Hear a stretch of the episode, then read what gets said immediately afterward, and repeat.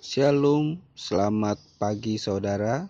Kembali pagi hari ini saya menyampaikan renungan firman Tuhan dengan tema kesesakan membuahkan integritas yang diambil di dalam Mazmur 120. Saya akan bacakan ayat satunya saja. Dalam kesesakanku, aku berseru kepada Tuhan, dan Ia menjawab aku. Saudara, tidak ada satu orang pun di dunia ini yang tahan terhadap tekanan, bukan? Entah itu dalam pergaulan, pekerjaan, dan lain-lain.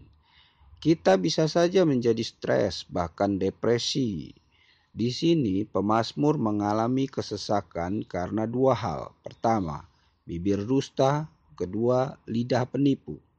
Kedua kata ini tentu memiliki arti yang sama, namun diungkapkan dengan kata-kata yang berbeda.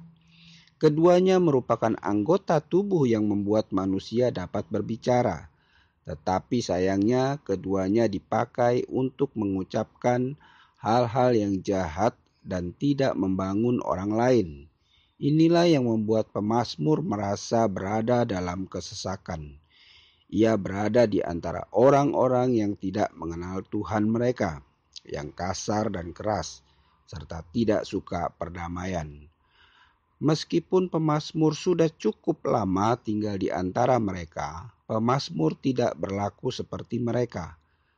Oleh sebab itu, ia berdoa agar Tuhan melepaskan dari antara mereka. Kesesakan yang dialami oleh pemazmur tidak membuatnya kehilangan jati diri, melainkan ia makin menunjukkan integritasnya di tengah orang-orang yang tidak mengenal Tuhan.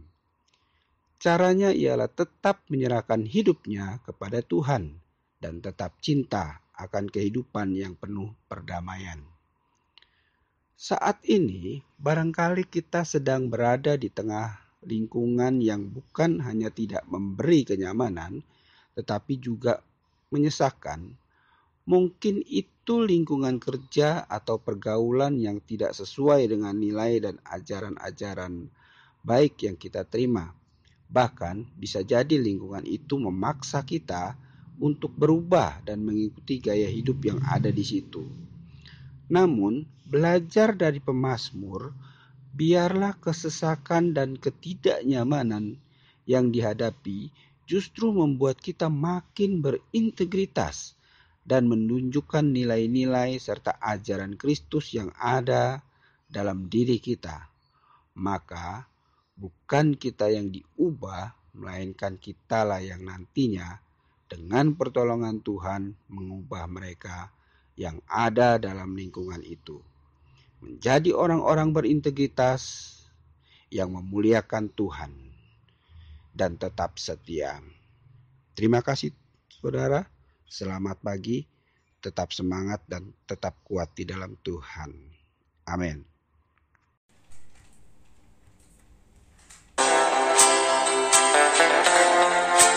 Sampai jumpa esok hari. Kiranya damai sejahtera dari Allah Bapa, kecintaan dan kasih karunia Tuhan kita Yesus Kristus, persekutuan serta penghiburan dari Kudus menyertai kita sekalian mulai hari ini sampai Maranatha Tuhan Yesus datang. Amin.